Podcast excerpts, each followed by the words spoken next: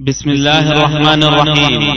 يسر شبكة الألوكة بالتعاون مع المكتبة المركزية للكتب الناطقة. أن تقدم لكم هذه المادة من أحاديث المنبر. الخطبة الثامنة. النهي عن التبرج والسفور. الحمد لله الذي أكمل لنا الدين ورضيه لنا شرعة ومنهاجا. وأشكره على نعمه وأسأله المزيد منها. وأشهد أن لا إله إلا الله وحده لا شريك له. لا رب لنا سواه ولا نعبد إلا إياه. وأشهد أن نبينا محمدا عبده ورسوله. دعا الناس إلى الخير وحثهم على مكارم الأخلاق ونهى عن الشر والعادات السيئة. اللهم صل على عبدك ورسولك محمد وعلى آله وأصحابه وسلم تسليما كثيرا. أما بعد فإن غض البصر والابتعاد عن الأمور المحرمة التي تدعو إلى الشر وفساد الأخلاق مطلوب والدين والخلق المتين يأمر به ويدعو إليه والله تعالى يأمر بغض الأبصار عما يدعو إلى الفتنة. ويأمر بحفظ الفروج يأمر بذلك المؤمنين والمؤمنات حتى يكون الجميع طاهرين متطهرين. وبذلك يطهر المجتمع ويصلح ويقوى.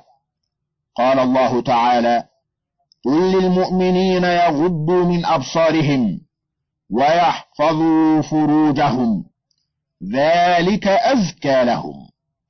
إن الله خبير بما تصنعون وقل للمؤمنات يغضضن من أبصارهن ويحفظن فروجهن ولا يبدين زينتهن إلا ما ظهر منها وليضربن بخمورهن على جيوبهن كل ذلك لحفظ الأعراض والأخلاق وسد باب الشر والانحلال والانغماس في الرذائل ولذلك أمر الله بإخفاء الزينة والمحاسن التي يحصل بها الافتتان وتكون سببا للوقوع في الرذيلة.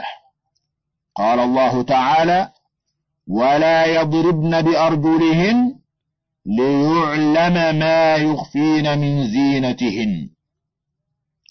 فالإسلام دين الطهارة والعفة يدعو إلى خلق كريم وعادة طيبة فاضلة وينهى عن كل رذيلة وأخلاق فاسدة فأمة الإسلام ملزمة بآداب الإسلام مكلفة بالمحافظة على دينها وأخلاقها مسؤولة عن تطهير مجتمعها من كل خبث ومن كل مرض يفتك بأفرادها فأمراض الأخلاق أشد ضررا وفتكا من أمراض الأجسام والكل خبيث عافانا الله منها وأزال عنا السوء.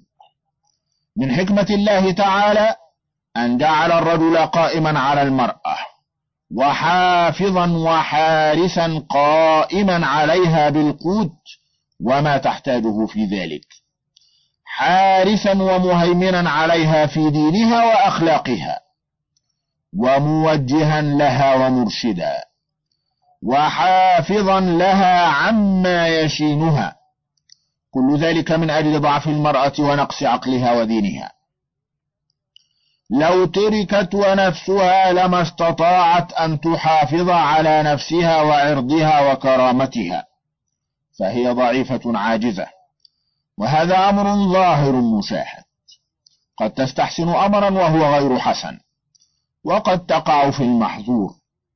وهي لا تشعر لضعفها وعدم تبصرها وكثيرا ما تنخدع. قال الله تعالى الرجال قوامون على النساء بما فضل الله بعضهم على بعض وبما أنفقوا من أموالهم فالصالحات قانتات حافظات للغيب بما حفظ الله. فالرجل هو المسؤول الأول عن أهله ومحارمه وهو راع عليهم مسؤول عن رعيته.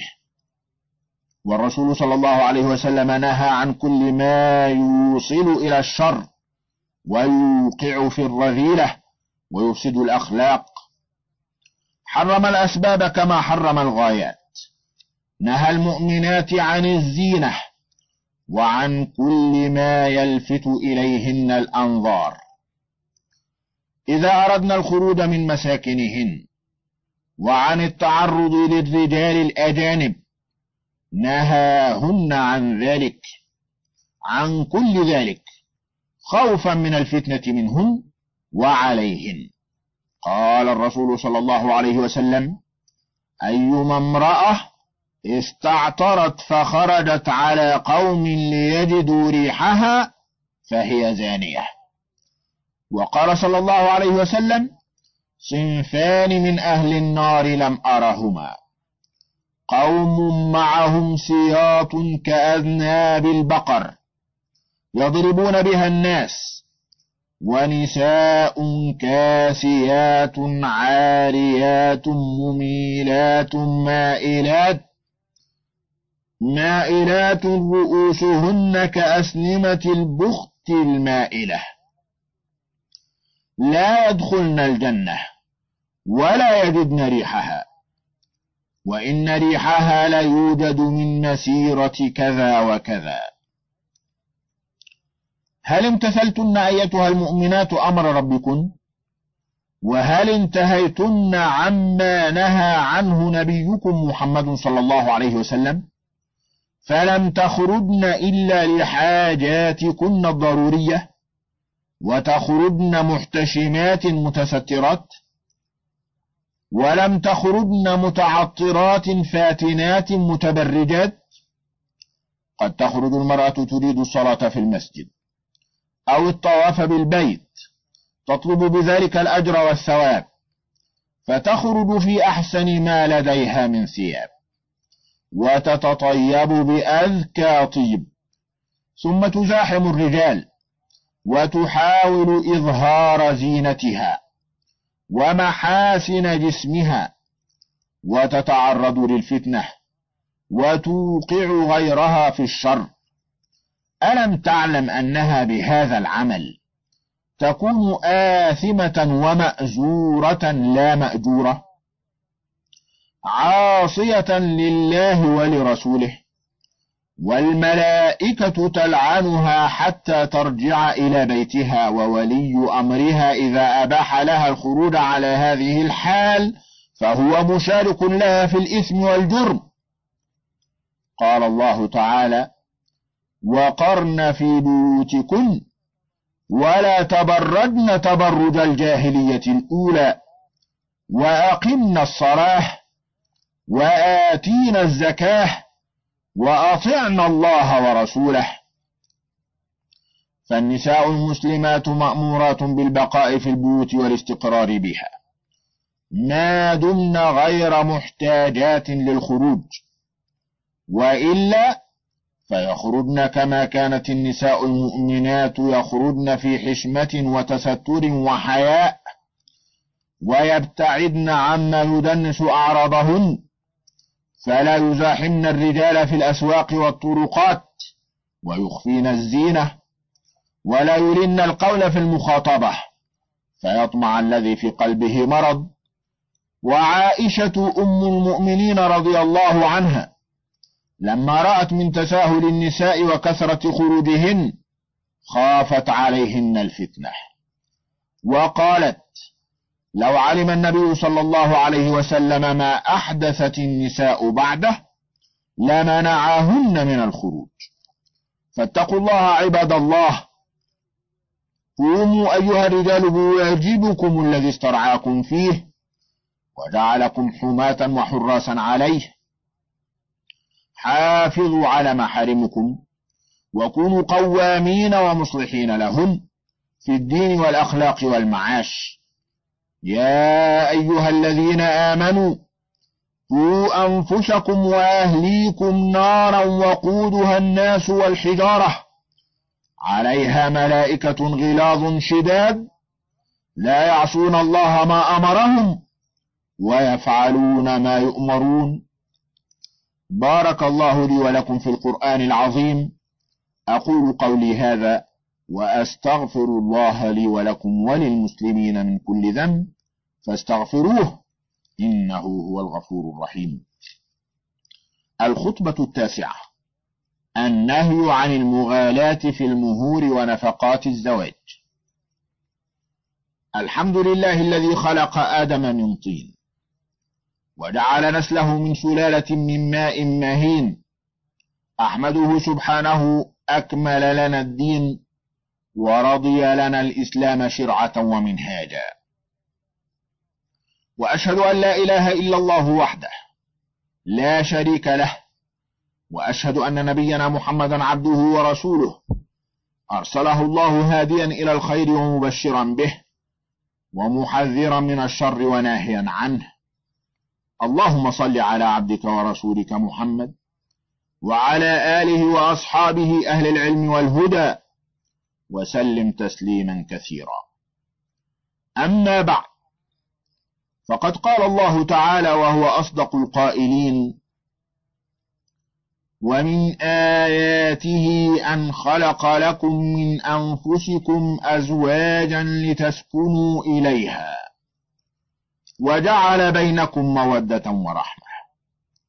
وقال الله تعالى وأنكحوا الأيام منكم والصالحين من عبادكم وإمائكم إن يكونوا فقراء يغنهم الله من فضله. النكاح ضرورة من ضرورات الحياة. لا بد منه. به يحصل التناسل والعمران للحياة الدنيا. كما أنه من سنن الأنبياء والمرسلين. فالرسول صلى الله عليه وسلم قد شرعه وحث عليه. في الحديث عنه صلى الله عليه وسلم أنه قال النكاح من سنتي. فمن رغب عن سنتي فليس مني. وقال صلى الله عليه وسلم يا معشر الشباب من استطاع منكم الباءة فليتزوج فإنه أغض للبصر وأحصن للفرج. أيها المسلمون إن التغالي في مهور النساء والإسراف في نفقات الزواج والتباهي بكثرة الأثاث والحلي حتى يظهروا بزعمهم بالمظهر اللائق بهم وبكرامتهم. ولم يعلموا أن الكرامة والشرف في الدين والخلق والعدل والإنصاف وحب الخير والتسامح وترك العادات السيئة والضارة بحياتنا ومجتمعنا. إن هذا التغالي في المهور والإسراف في نفقات الزواج والتباهي بالأثاث والحلي يجعل الزواج عسيرا على الكثير من الناس. ممن لا يستطيعون مداراة الأغنياء محب الفخر والخيلاء ويعطل حكمة الله التي من أجلها شرع النكاح وحث عليه. ويحصل بذلك فساد وظلم للنساء. اللاتي يمنعن من التزوج بالأكفياء بسبب تعنت الأولياء وطلبهم مهورا غالية ونفقات باهظة.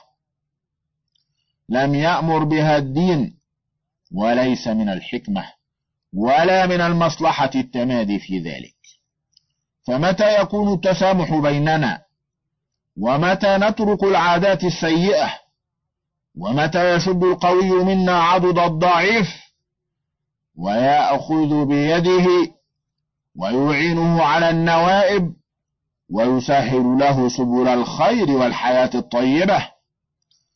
فماذا يفعل البعض منا ما داموا غير قادرين على دفع هذه المهور؟ وتلك النفقات الباهظة. وما ذنب الفتيات الضعيفات المغلوبات على أمرهن اللاتي أبعدن عما خلقن له بسبب المغالاة في الصداق والإسراف في النفقات وغيرها من الأمور التي أوجدتها العادات والتقاليد. منعن من أن يكن ربات بيوت وزوجات وأمهات صالحات لذريات طيبة. والله تعالى يقول وأنكحوا الأيام منكم والصالحين من عبادكم وإمائكم. إن يكونوا فقراء يغنيهم الله من فضله. والرسول صلى الله عليه وسلم زوج رجلا من أصحابه بما معه من القرآن.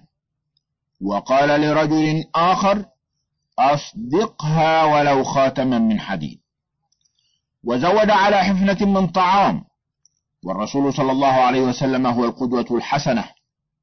قال تعالى لقد كان لكم في رسول الله أسوة حسنة.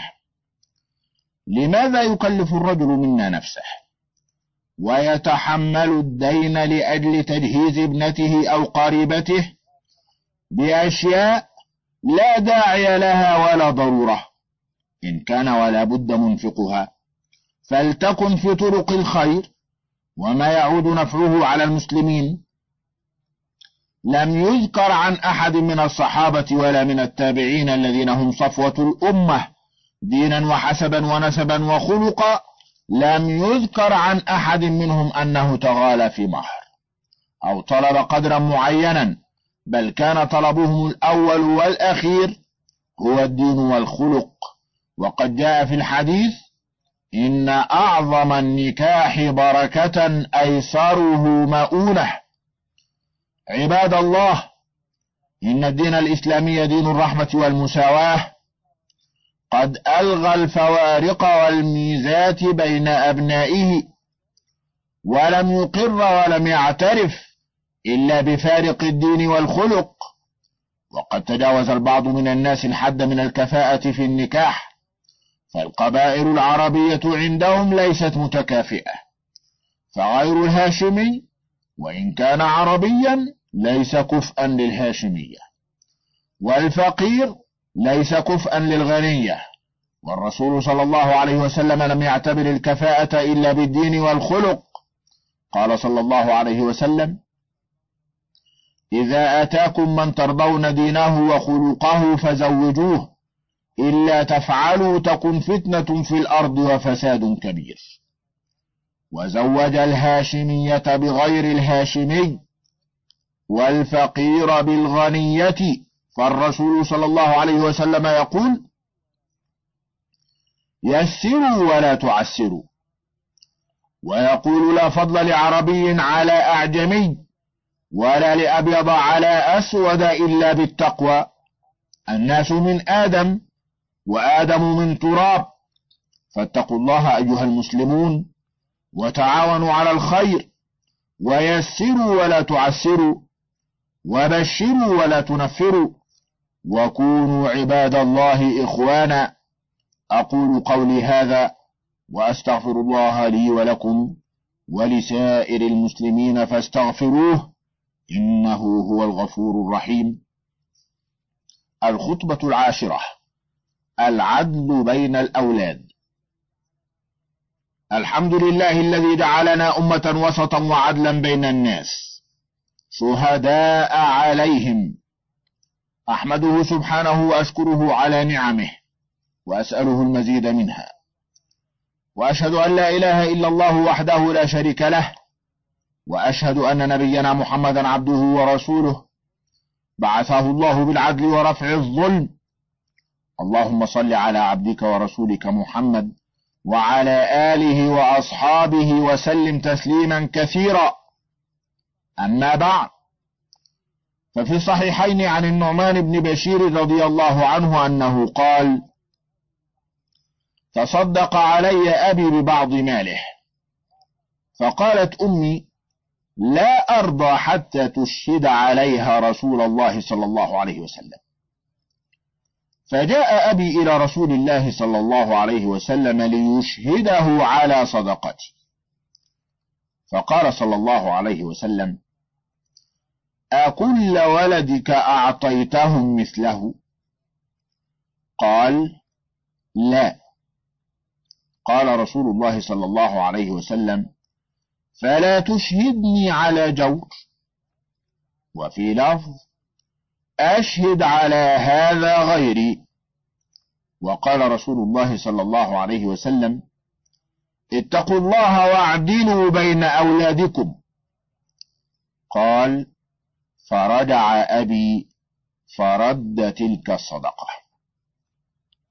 كان بشير والد النعمان له أولاد من نساء متعددات وكانت والدة النعمان. تريد من زوجها أن يخص ابنها بشيء دون إخوته. فأعطاه شيئا من ماله دون إخوته. فطلبت أن يذهب إلى رسول الله صلى الله عليه وسلم ليشهده على تلك الهبة. حتى تكون ثابتة لا يطرأ عليها تغيير ولا إبطال. ما دام الرسول صلى الله عليه وسلم شهد عليها وأقرها. ولكن الرسول صلى الله عليه وسلم وهو المبعوث بالرحمة والعدالة والمساواة ومحاربة الظلم والعدوان. استنكر ذلك وعابه. وأبى أن يشهد عليه وعده من الجور والظلم. فقال لا تشهدني على جور. أشهد على هذا غيري. يريد بذلك الإنكار عليه وزجره. وقال اتقوا الله واعدلوا بين أولادكم. وقال صلى الله عليه وسلم أيسرك أن يكونوا لك في البر سواء؟ قال أجل. قال صلى الله عليه وسلم فلا إذا.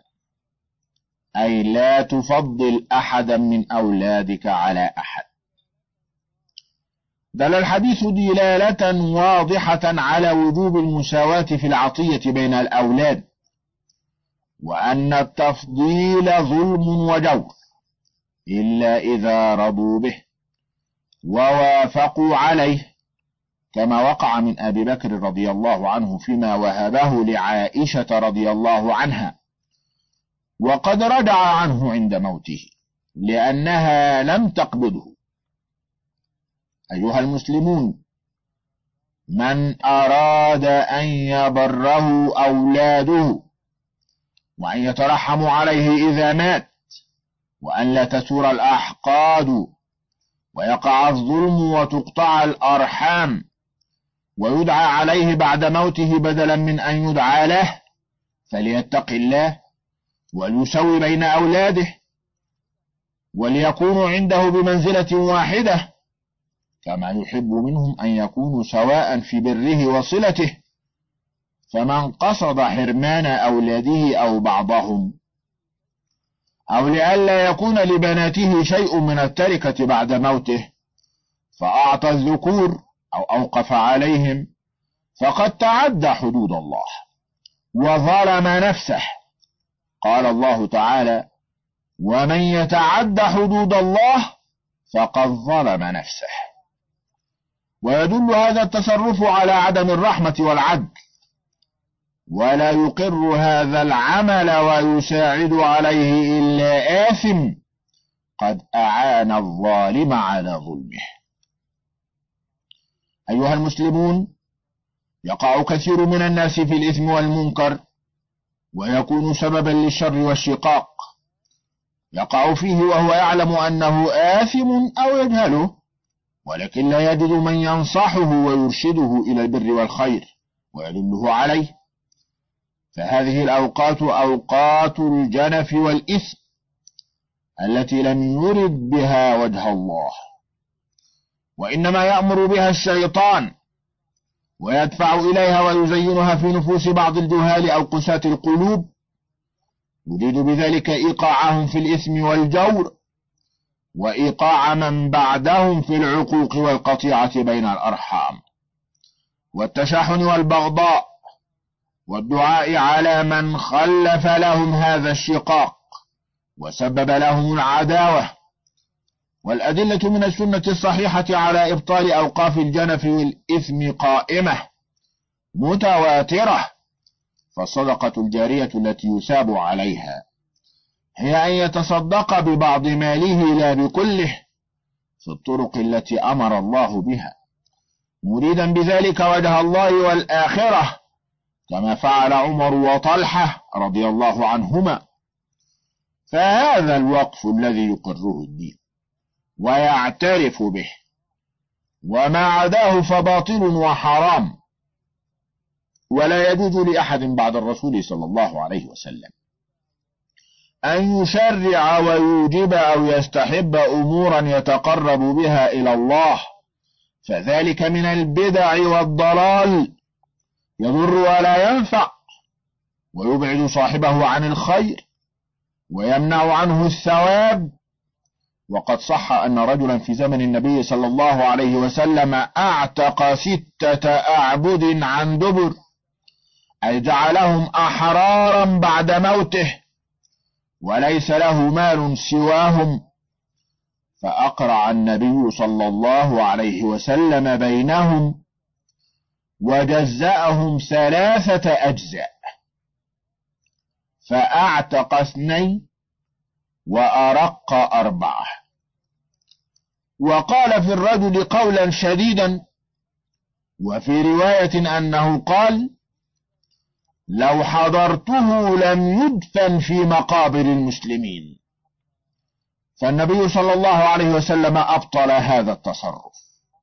وهذا العمل مع أنه عمل خير وتحرير رقاب. ولكن حيث إن فيه ظلما على الورثة وحرمانا لهم أبطله وردهم في الملك ما عدا الثلث. فأمضاه والثلث كثير كما قال النبي صلى الله عليه وسلم. وجاء أن بعض الصحابة طلق نساءه وقسم ماله بين بنيه. فقال عمر الخليفة الراشد إني أظن أن الشيطان قذف في قلبك أنك تموت وأيم الله لترجعهن أولا لأورثهن من مالك ثم آمر بقبرك فيرجم كما رجم قبر أبي رغال انتهى. فالطلاق مباح ولكن ظن عمر رضي الله عنه أن مراده حرمان زوجاته وحجر المال على بنيه. فقال فيه هذا القول الغليظ وألزمه هذا الإلزام. فمن فر من قسمة الله وتمرد على الدين وقسم ماله أو وقفه على حسب هواه وما يمليه عليه شيطانه كأن يقصد حرمان زوجته أو زيادة بعض أولاده على بعض فرارا من وصية الله بالعدل أو حرمان أولاد البنات أو يحرم على ورثته بيع عقار بإيقافه لئلا يفتقر بعد موته فيتصرف هذا التصرف الظالم الآثم كل ذلك إثم ومنكر. وتحير على تغيير شرع الله وقسمه. فمن حرم من أعطاه الله من زوجة أو بنات أو أولاد بنات. أو أعطى من لا يستحق أو زاد أحدا عما فرض له أو نقصه من حقه طالبا به التقرب فقد وقع في الظلم والإثم وأوقع غيره في العداوة والبغضاء وقطيعة الرحم ولو جاز وصح أن يقف الإنسان ما له على أولاده أو يزيد من يشاء ويمنع من يشاء من نساء وأقارب وأولاد بنات وأن يتصرف كما يشاء لو جاز هذا لما تركه وأعرض عنه أصحاب رسول الله صلى الله عليه وسلم. والتابعون والأئمة الأربعة ومن بعدهم ممن يعتد به. أي ظنوا أنهم رغبوا عن الأعمال الصالحة. أو لم يحبوا أولادهم فآثروا البعيد عنهم ورغبوا عن العمل الصالح أم هل خفيت عليهم تلكم الأحكام؟ فلم يعلموها. لا أظن عاقلا منصفا يقول ذلك. فصفوة الأمة وأئمتها عرفوا الحق والعدل وتسابقوا إليه وعملوا الصالحات التي تقربهم إلى الله ويحصل بها الثواب. وعرفوا الإثم والظلم والتعدي لحدود الله فاجتنبوه. وإن اليوم الذي يتم فيه إبطال هذه الأوقاف أوقاف الجنف والإثم والظلم ومنع الحقوق وإرجاعها إلى حكم الله وقسمه وتمليكها لمستحقيها هو يوم يسر فيه كل مؤمن محب للعدل والإنصاف. ومبغض للإثم والظلم والعدوان وبذلك يعود الحق إلى نصابه. فاتقوا الله عباد الله وتعاونوا على البر والتقوى ولا تعاونوا على الإثم والعدوان. بارك الله لي ولكم في القرآن العظيم. من فضلك تابع بقية المادة.